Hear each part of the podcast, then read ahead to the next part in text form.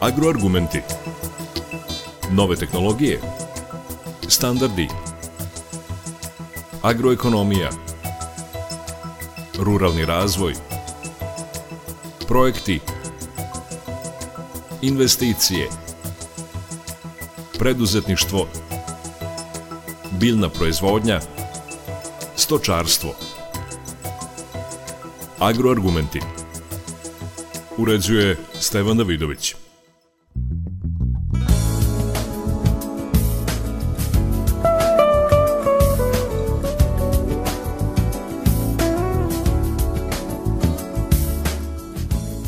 Dobar dan. Prošle sedmice na Zlatiboru je održano 57. savjetovanje agronoma i poljoprivrednika Srbije Nosadskog instituta za ratarstvo i povrtarstvo i treće savjetovanje agronoma Republike Srpske. Uz to savjetovanje održan je 49. simpozijum agrotehnika, precizna poljoprivreda Nosadskog poljoprivrednog fakulteta. O tome govorimo u agroargumentima. Počinjemo od samog otvaranja savjetovanja koje je pratio kolega Đorđe Simović. Nakon godina odsustvovanja ministara poljoprivrede na savjetovanju agronoma, ministarka Jelena Tanasković svojim dolaskom potvrdila je važnost Instituta za ratarstvo i povrtarstvo, instituta od nacionalnog značaja za Republiku Srbiju, kao i važnost očuvanja domaće proizvodnje semena. Prisutne je najviše interesovalo kada će država isplatiti podsticaje poljoprivrednicima koji godinama čekaju na rešenje Uprave za agrarna plaćanja kako bi im novac bio isplaćen. Veliku stvar smo uradili, morate da razumete da je država prihvatila da izmjeri obaveze svakom poljoprivrednom proizvođaču koji nije dobio rešenje, gde država pravno formalno nije imala obavezu kako ih ne bi oštetili, da njihova očekivanja zadovoljimo i da im pokažemo kako država gleda na poljoprivredu danas. Kao i na nekoliko prethodnih skupova, ministarka je govorila o važnosti uvođenja e-agrara. Online 24 sata i da im to pomogne da prosto svaku nepravilnost ili sve ono što nije urađeno, a trebalo je da bude, jer kako naš narod kaže, uvek negde neki papir zakoči, mogu odmah da intervenišu. Kao prvu meru pomoći stočarima, ministarka Tanasković najavila je da će u narednih 10 dana stočarima biti podeljeno 26.000 tona kukuruza. Stručnjak za kukuruz Instituta za ratarstvo i povrtarstvo Goran Bekavac kaže da ove godine vlada ogromno interesovanje za nabavku njihovog semena iz inostranstva kao i na domaćem tržištu. Zbog toga bi trebalo proizvođači koji žele da kupe novosadske hibride da požure i da nabave svoje seme. U tom smislu ja bih rekao ljudi e, nedelje koje su pred nama jesu nedelje kada se odlučuje koji se hibrid kupuje i kada se nabavlja same. U savjetovanje agronoma na Zlatiboru je počeo i 49. simpozijum agrotehnika i precizna poljoprivreda na kom se predstavljaju novine u oblasti poljoprivredne mehanizacije.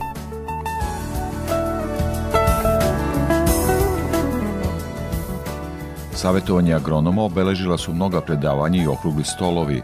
Zbog promene klime i potrebe iskorišćavanja marginalnih zemljišta, izdvajamo reči stručnjaka Novosadskog instituta za ratarstvo i povrtarstvo Vladimira Sikore. Gospodine Sikora, šta je sa alternativnim biljnim kulturama? Kakve su novine i gde se kreće taj deo agrara? Što se toga tiče, pri koncipiranju programa e, ovogodišnjeg savjetovanja agronoma nije, nije moglo da, da se izbegne i alternativne kulture, iako je od svih tih biljnih vrsti sa kojima radimo, uh, potenciran sirak, sirkovi, pre svega sirak za zrno, kao nešto što je ovog trenutka najinteresantnije sa aspekta na, tržišta našeg semena, odnosno sa aspekta potraživanja poljoprivrednih proizvođača. Ove ostale biljne vrste na kojima radimo, koje se smatraju, koji su svrstane pod alternativu, uh, treba uh, takođe naglasiti da interesovanje iz godine u godinu je sve veće.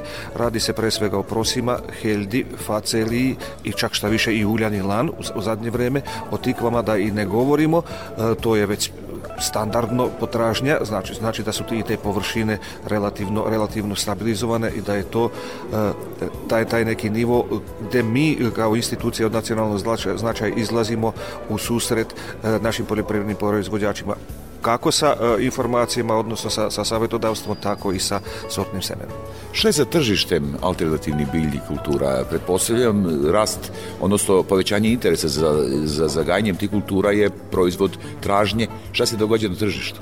Što se tržišta tiče, tržište se okreće prema, prema uslovima, uslovi e, ovog trenutka možemo definitivno da pričamo o uslovima spoljne sredine koje jako, jako puno e, utiču na finalni, e, finalni ekonomski e, e, efekat angažovanja, odnosno rada, posla, a u tom smislu definitivno i celo, celo ovo savjetovanje se e, nosilo u duhu visokih temperatura i, i, i nedostatka vlage, tako da je to, to, to je upravo e, nažalost, ali to je to što je otvorilo prostor za e, neke alternativne biljne vrste koje su u poređenju sa, sa, sa, sa konvencionalnim e, biljnim vrstama kao što je kukuruz ili soja ili suncokret recimo koje su tolerantni odnosno kod kojih je e, usled tih e, nepovoljnih uslova, a ni sami ne znamo kakva će biti ova godina, e, usled tih nepovoljnih uslova dolazi normalno do smanjenja genetskog potencijala za prinos, ali se ipak može i na znači na nekim marginalnim zemljištima ili u nekim stvarno, stvarno lošim uslovima postići kakav takav ekonomski efekat proizvodnje. Upravo sam to hteo da vas pitam za, za zemljišta koji imaju niži potencijal, koliko su ove kulture rešenje? Pa e, rešenje kao rešenje sigurno da jesu, e, zato što e, pre svega manje više kad pričamo tu treba apostrofirati e, Heldu i, i Proso koje se normalno ga i, i, i koje se traži čak šta više i za organsku proizvodnju bez obzira kak, na kakvim zemljištima se obavlja organska proizvodnja ipak tu je ti, ti inputi su daleko daleko skromniji u poređenju sa ne, ne, ne, neštim što je konvencionalno tako da a, sa nekom malo kraćom vegetacijom malo a, većom tolerancijom nalaze svoje mesto u sistemu biljne, proizvodnje. Kažem, i u organskoj proizvodnji, što je jako interesantno, zato što jednostavno tolerišu i ne da tolerišu, nego u stanju su da, a tu, tu su sirkovi i proso primarni, ok, i helda, u stanju su da, da, da i u tim nepovoljnim uslovima iz, iz, iz sredine, odnosno iz zemljišta, iz vazduha povuku sasvim dovoljne količine i, i vlage i, i hranjivih materija, bez obzira koliko ih se nalazi u, u zemljištu, da, da, da se donese neki, neki, neki ekonomski opravdan prinos. Normalno da ti prinosi nisu rekordni, ne mogu da budu rekordni, ali ako imamo neka, neka ruderalna zemljišta koja su neobradiva ili nisu obrađivana, onda je to sigurno jedno od, najpraktičnijih rešenja. Saznao sam ovde na savjetovanju od poljoprivrednika da su oni vrlo zainteresovani za alternativne biljne kulture, ali da je izražena, izražen nedostatak radne snage kako stvari stoje sa tim i evo i simpozijum 49. ovde na Zlatiboru mehanizacije, ili ima mehanizacije, pre svega sirkovi i tako dalje? Što se tiče mehanizacije, manje više za, za, za najveći deo tih, tih alternativnih biljnih vrsti koje, koje u svom programu ima institut, mehanizacija je rešena zato što se koristi mehanizacija koja se koristi i kod drugih biljnih vrsti. Problemi, problemi su, mislim, uslovno rečeno problemi, zahtevnije je, su tikve na, unane tikve na većim površinama gde je potrebno, potreban specijalni kombajn, a takođe i konoplja ako se gaji za seme, znači potrebni su ti aksijalni kombajni malo, malo, malo prilagođeni i tome, a sve ovo ostalo koristi se mehanizacija koja, je, meha, koja se koristi i, i kod nekih drugih biljnih vrsta, tako da, tako da to ovog trenutka ne predstavlja a, nešto što bi a, e, bilo odlučujući faktor da, da, da se ljudi, da ljudi odustanu od, od te proizvodnje. Šta je sa sirkom metlašem, on zahteva veliku... Pa da, sirak, da, e, nismo spomenuli sirak metlaš, iako je ta, ta biljka, biljka e, e, dosta regionalno skoncentrisana, tu ima u Bački Petrovac, pa imamo Senta, Topola, e, Kanjiža, to su, to su ti neki regioni gde se, gde se gaji. E, problem jeste to ste sa, potpuno u pravu zato što tamo niti ima niti, niti postoji ne, ne da mi nemamo nego ne, ne, ne postoji mehanizacija jednostavno samo to fizičko skidanje metlica sa, sa stabljike mora da se obavlja ručno sve ovo ostalo manje više je, je, je mehanizovano ali to, to, to, je, to je upravo usko grlo e, koje, koje limitira e, i, i nivo, nivo ove proizvodnje stručnog instituta za ratarstvo i povrtarstvo Vladimir Sikora. Veliko vam hvala za ovaj razgovor i učešće u programu. Hvala i vama.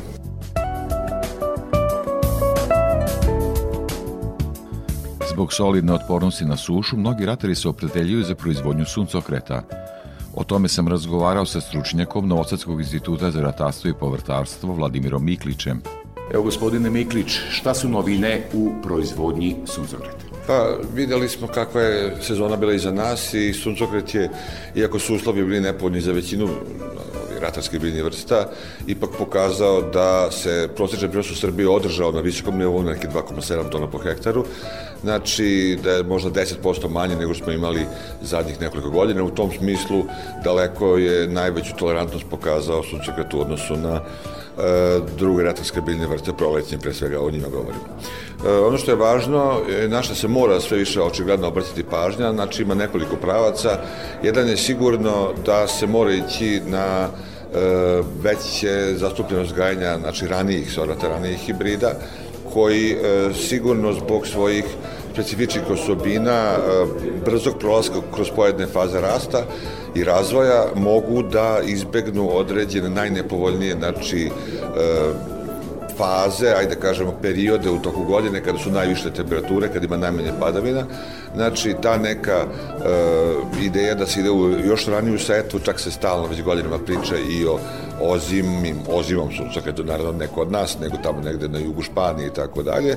E, ideja je da on što pre nikne da iskoristi zimsku vlagu i da ako je moguće prođe cvetanje pre što počnu najveće vrućine, zato što je najosetljivija faza cveta. Dakle, rani hibridi, što se tiče Novosadskog instituta, recimo jedan od dobrih rješenja jeste hibrid 7749, koji je izuzetno rani hibrid, znači ultra rani sa 90 dana vegetacije i polako zamenjuje poznati hibrid Dukat u toj grupi, ali kažem on jeste pre svega za neke kasne setve, tako da znači možemo ići koji je pogotovo zalidni sistem i na dve žetve, ovaj, dve, dve, dve, sezo, dve, dve proizvodnje u jednoj, u jednoj sezoni.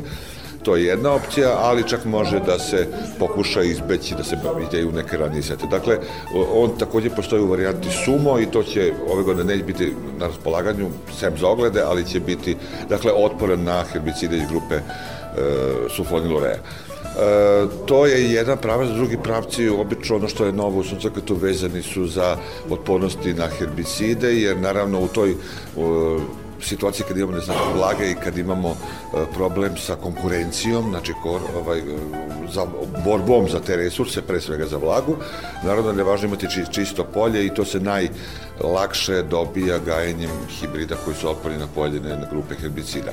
Tu su pre svega, znači, naravno Clearfield, Clearfield Plus i Express ili Sumo tehnologije. E, Institut Novosadski ima naravno grup, e, hibrida iz svih ovih grupa na raspolaganju i među prvima smo bili u Evropi i u svetu kada su ove tehnologije uvođene. Ima i neki novih tehnologija koje su najavljene prošle godine na konferenciji međunarodnoj o suncokretu koji je institut organizovao u Novom Sadu u junu mesecu. E, jedna od njih je duo tehnologija gde imamo otpornost i na jednu grupu, dakle i na imidazolinone i na sulfonere. Dakle, na neki način održavati. Treće, što je uvek priča, jeste kvalitet, ali to je priča koja ipak zavisi mnogo i od fabrika ulja, ako one to budu potencirale, onda će se ići u tom pravcu, ako one ne budu to potencirale, onda neće. Znamo da Francuska gaji dominantno olejnske hibride i mi imamo ponudi hibrid tipa NSanol, na primjer, koji ima izuzetno visok nivo olejinske kiseline, skoro 90%, po tome je najbolji trenutno u ponuti.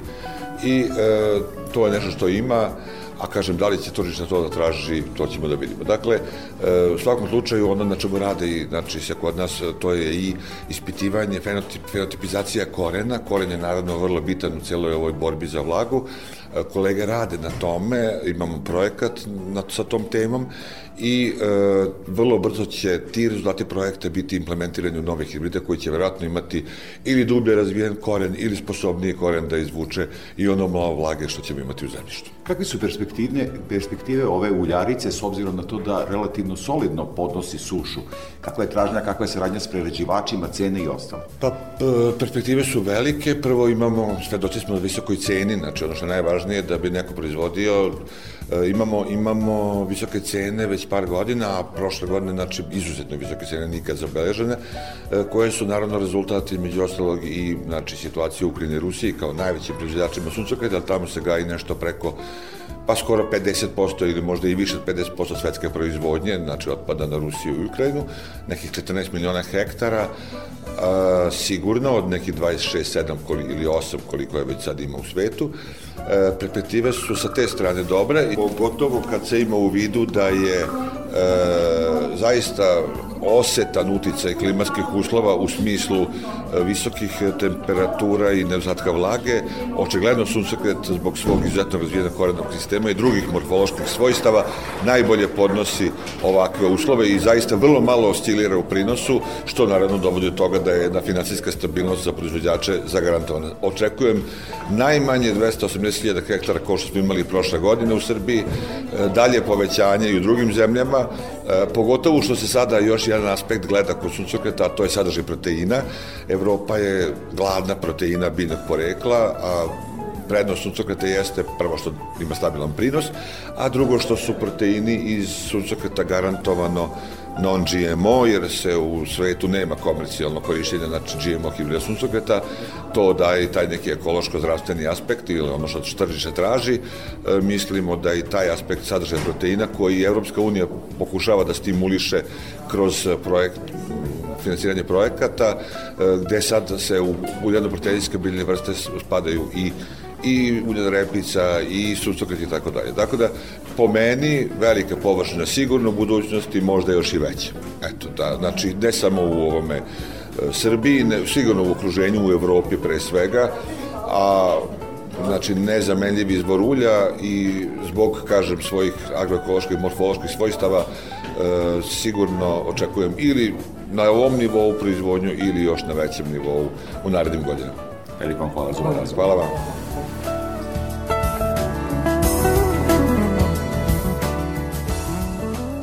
Veoma je teško u kratkom vremenu preneti teme i zaključike koje su obeležili 57. savjetovanje agronoma na Zlatiboru. Zato sam o ovom značajnom skupu zatražio mišljenje od predsednice Upravnog odbora Novosadskog instituta za ratarstvo i povrtarstvo, Dragane Latković. Šta je obeležilo 57. savjetovanje agronoma na Zlatiboru? Pa 57. savjetovanje agronoma i poljoprivrednika Srbije obeležilo je puno, da kažem, lepih stvari i novina. Pre svega, kao organizatori, izuzetno smo e, zadovoljni sa posetom poljoprivrednih proizvođača. Znači, tokom ova četiri dana, računajući, jel tako su i današnji dan, e, kod nas je registrovano blizu 1250 učesnika. E sad, nije bitan samo broj. Ono što mi je posebno veliko zadovoljstvo jeste da na ovom skupu prisustvuje jako puno mladih poljoprivrednih proizvođača, što mislim da je jako bitno ovaj, da su mladi ljudi, mlada gazdinstva, znači zainteresovani za ta nova naučna saznanja. Institut za ratarstvo i povrtarstvo je spremio preko 50 predavanja, znači 50 naučnih radnika instituta je ovde. Teme su bile vrlo zanimljive, e, prilagođene, da kažem, aktualnoj situaciji i aktualnim problemima.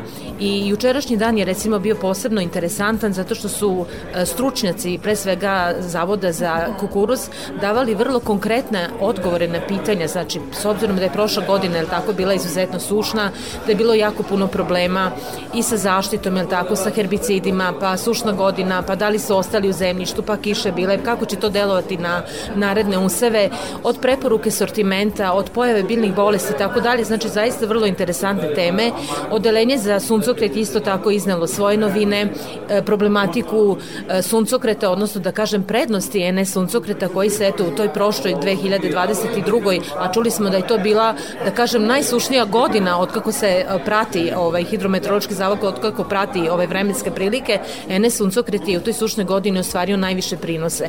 Znači, puno lepih stvari, puno novina, e, okrugli stolovi e, od analize e, ove agrarne situacije, jel tako, stanje na tržištima, znači vrlo zanimljiva diskusija, panel diskusija vezana za naučno-istraživački rad, odnosno za naše projekte. Znači, hteli smo jednostavno našim poljoprivrednim proizvođačima da predstavimo Institut za ratarstvo i povrtarstvo, da vide da sve nekako počinje od nauke, od projekata, od laboratorije, a na kraju se sve to završava, jel tako, na njivi e, sa NS sortama i hibridima.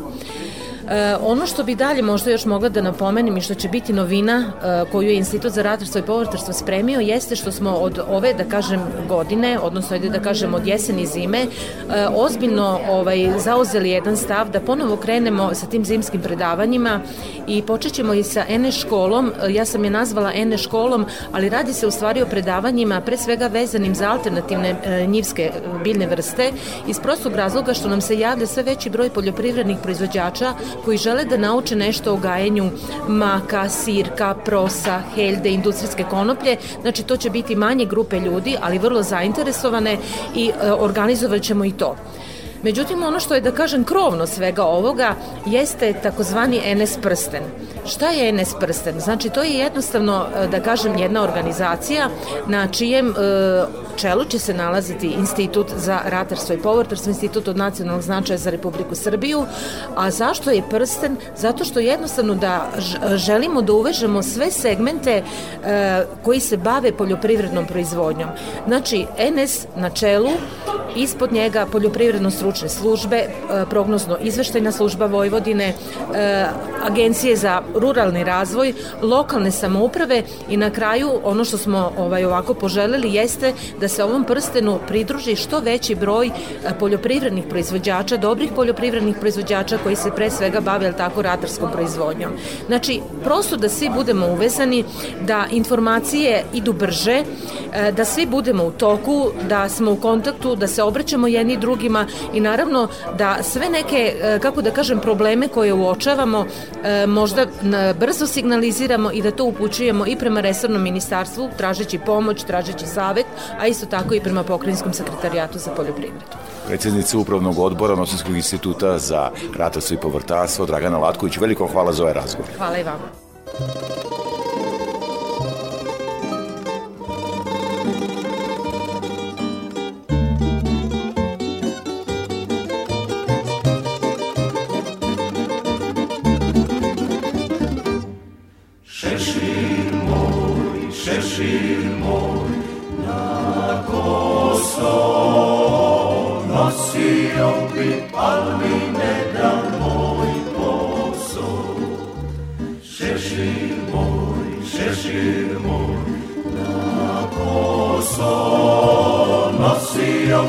al mi ne da moj posu. Pio, pijan ili ne, pijanica babu pola zovu me. Pio, pijan ili ne, hej, pijanica babu pola zovu me.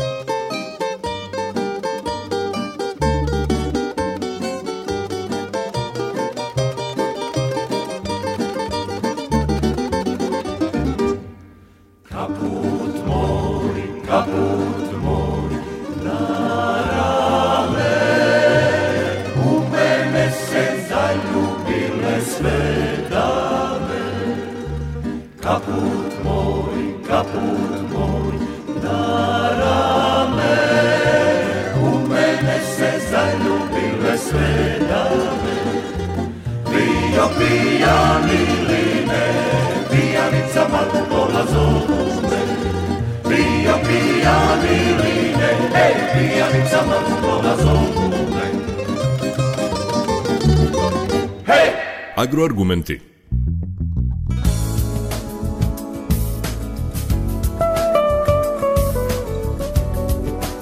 Kao što smo rekli u uvodu prošle sedmice na Zlatiboru je održano 57. savjetovanje agronoma i poljoprivrednika Srbije i treće savjetovanje agronoma Republike Srpske.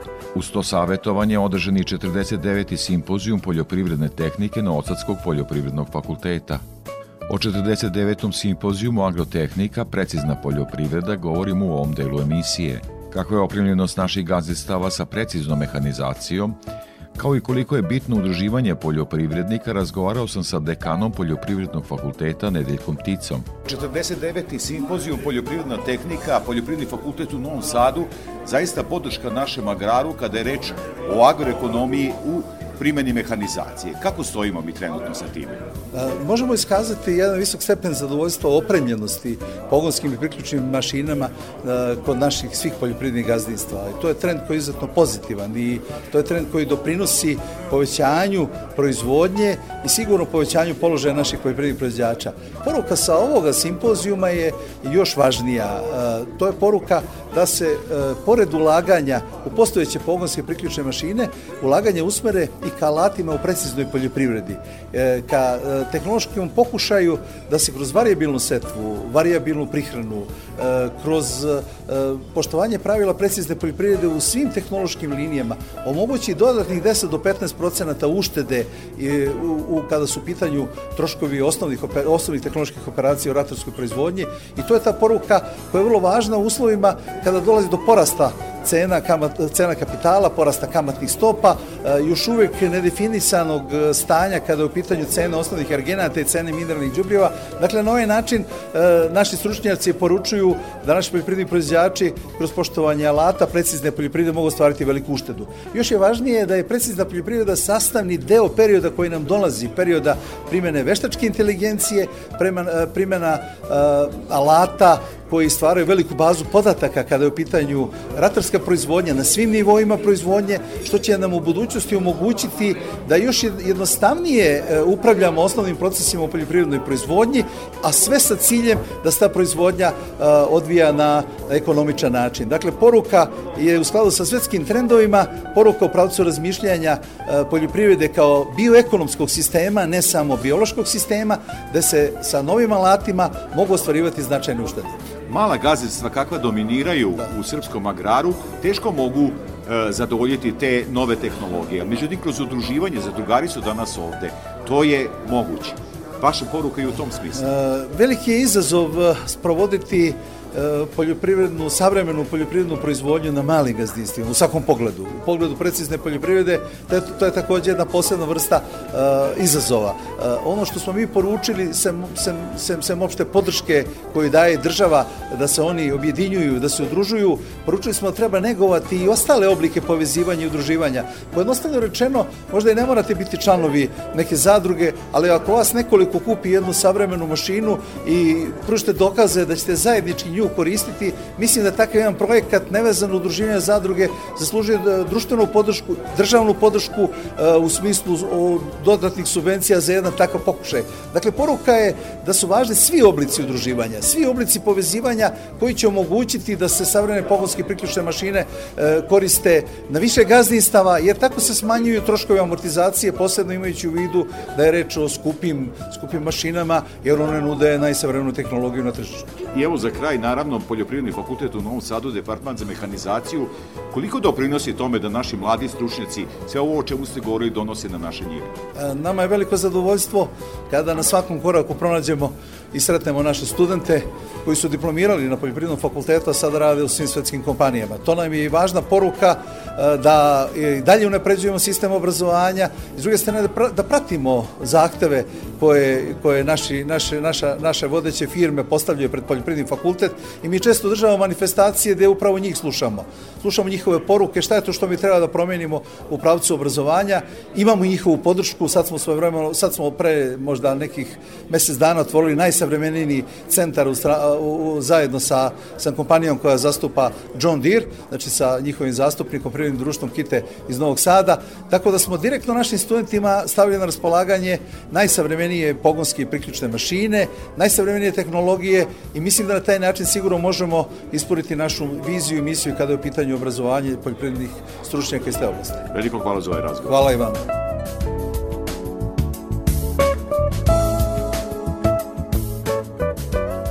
O značaju zadruga za uvođenje savremene mehanizacije u naš agrar razgovarao sam sa predsjednicom Zadružnog saveza Vojvodine Jelenom Nestorov Bizonj. Zadruge su od davnina slovile kao nosioci poljoprivredne mehanizacije, novih tehnologija i tako dalje. Evo 49. simpozijum ovde na Zlatiboru i naravno kao su organizatori i za Zadružni savez Vojvodine. Vaš stav o tom i prvi utisci? Prvi utisci su odlični. Evo danas smo na otvaranju 49. simpozijuma Agrotehnika precizna poljoprivreda. Otvaranje je proteklo u prisustvu više od 150 ljudi koliko sala može da primi, e, tako da očigledno da interes za ovo savjetovanje ogroman i da je pogođena znači tema koja će biti na savjetovanje, evo svakog dana će teme biti različite. Jedan od e, dana, evo sutrašnji će biti posvećeni za drugarstvu, e, znači čućemo mnogo toga što će unaprediti poljoprivrednu proizvodnju, u krajnjoj liniji unaprediti udruživanje u zadruge.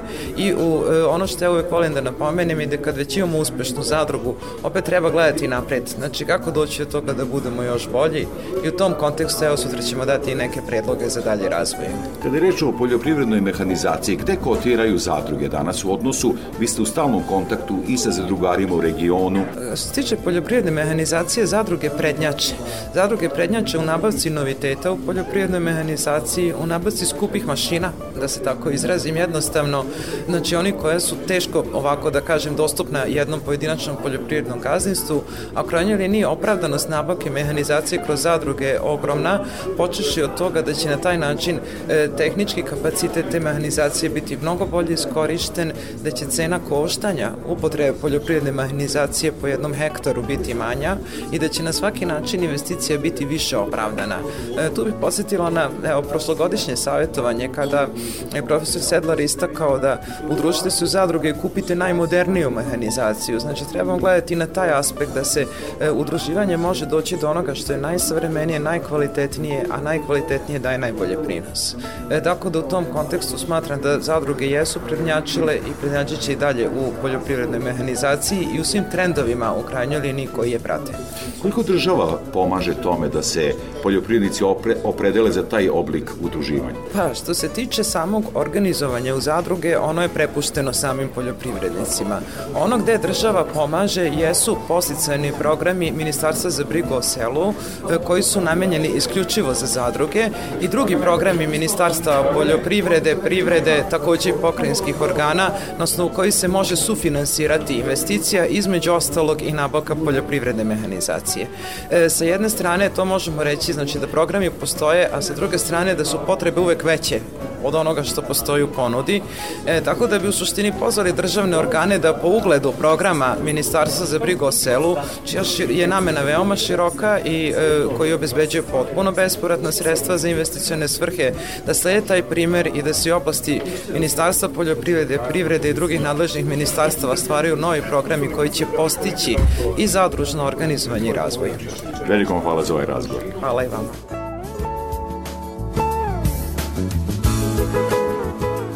I na kraju reč poljoprivrednika o poslovima u poljoprivredi, ali i o porukama sa 57. savjetovanja agronoma na Zlatiboru, razgovarao sam sa proizvođačem iz Bačke Palanke, Savom Gajićem. Ovde ste na savjetovanju agronoma.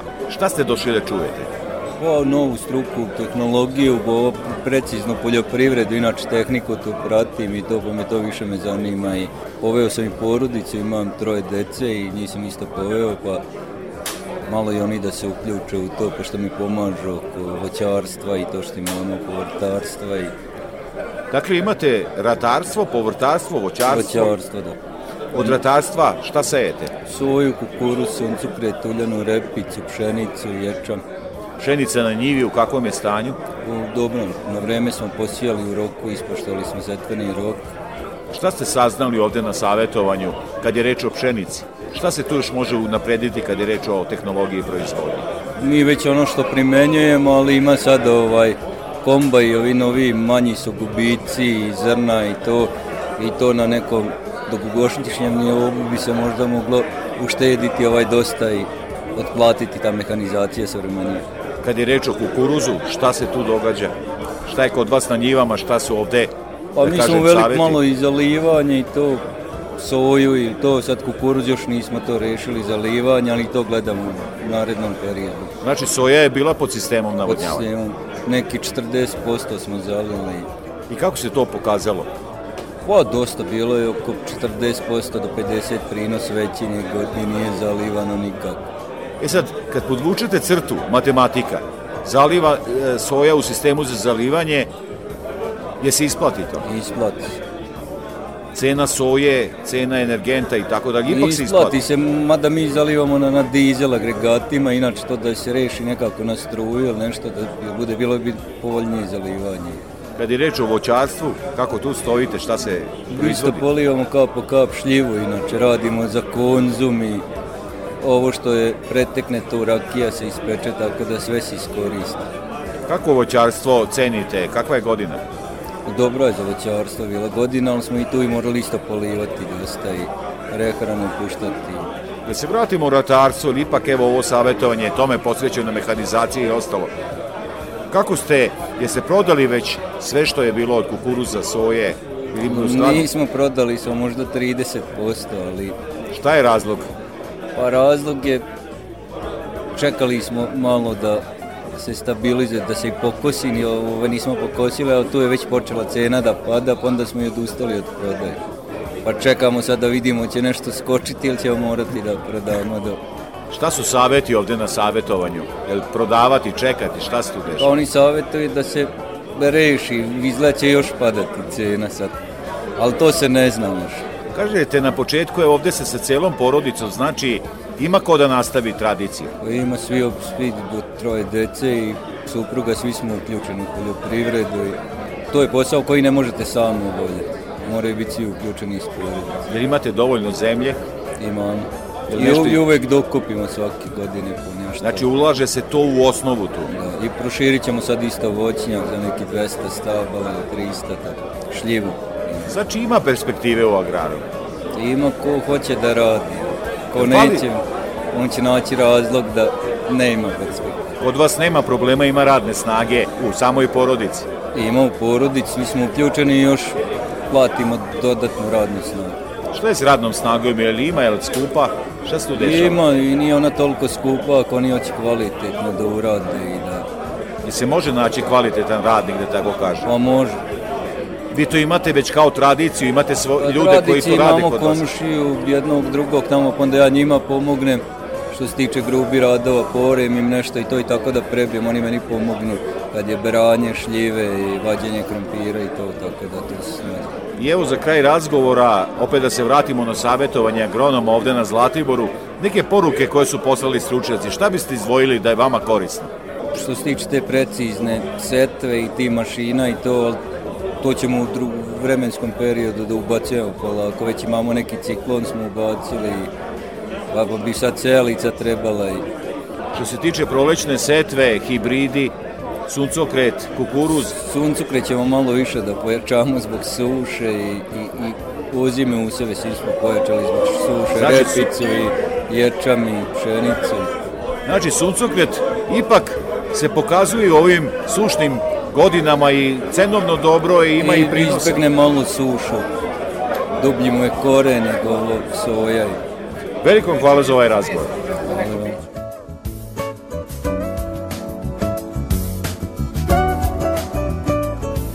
Slušali ste agroargumente. Govorili smo o 57. savjetovanju agronoma i poljoprivrednika Srbije Nosadskog instituta za ratarstvo i povrtarstvo i 49. simpozijumu agrotehnika precizna poljoprivreda Nosadskog poljoprivrednog fakulteta. Emisiju montirala Marica Jung. Pozdravlja vas urednik i voditelj Stevan Davidović.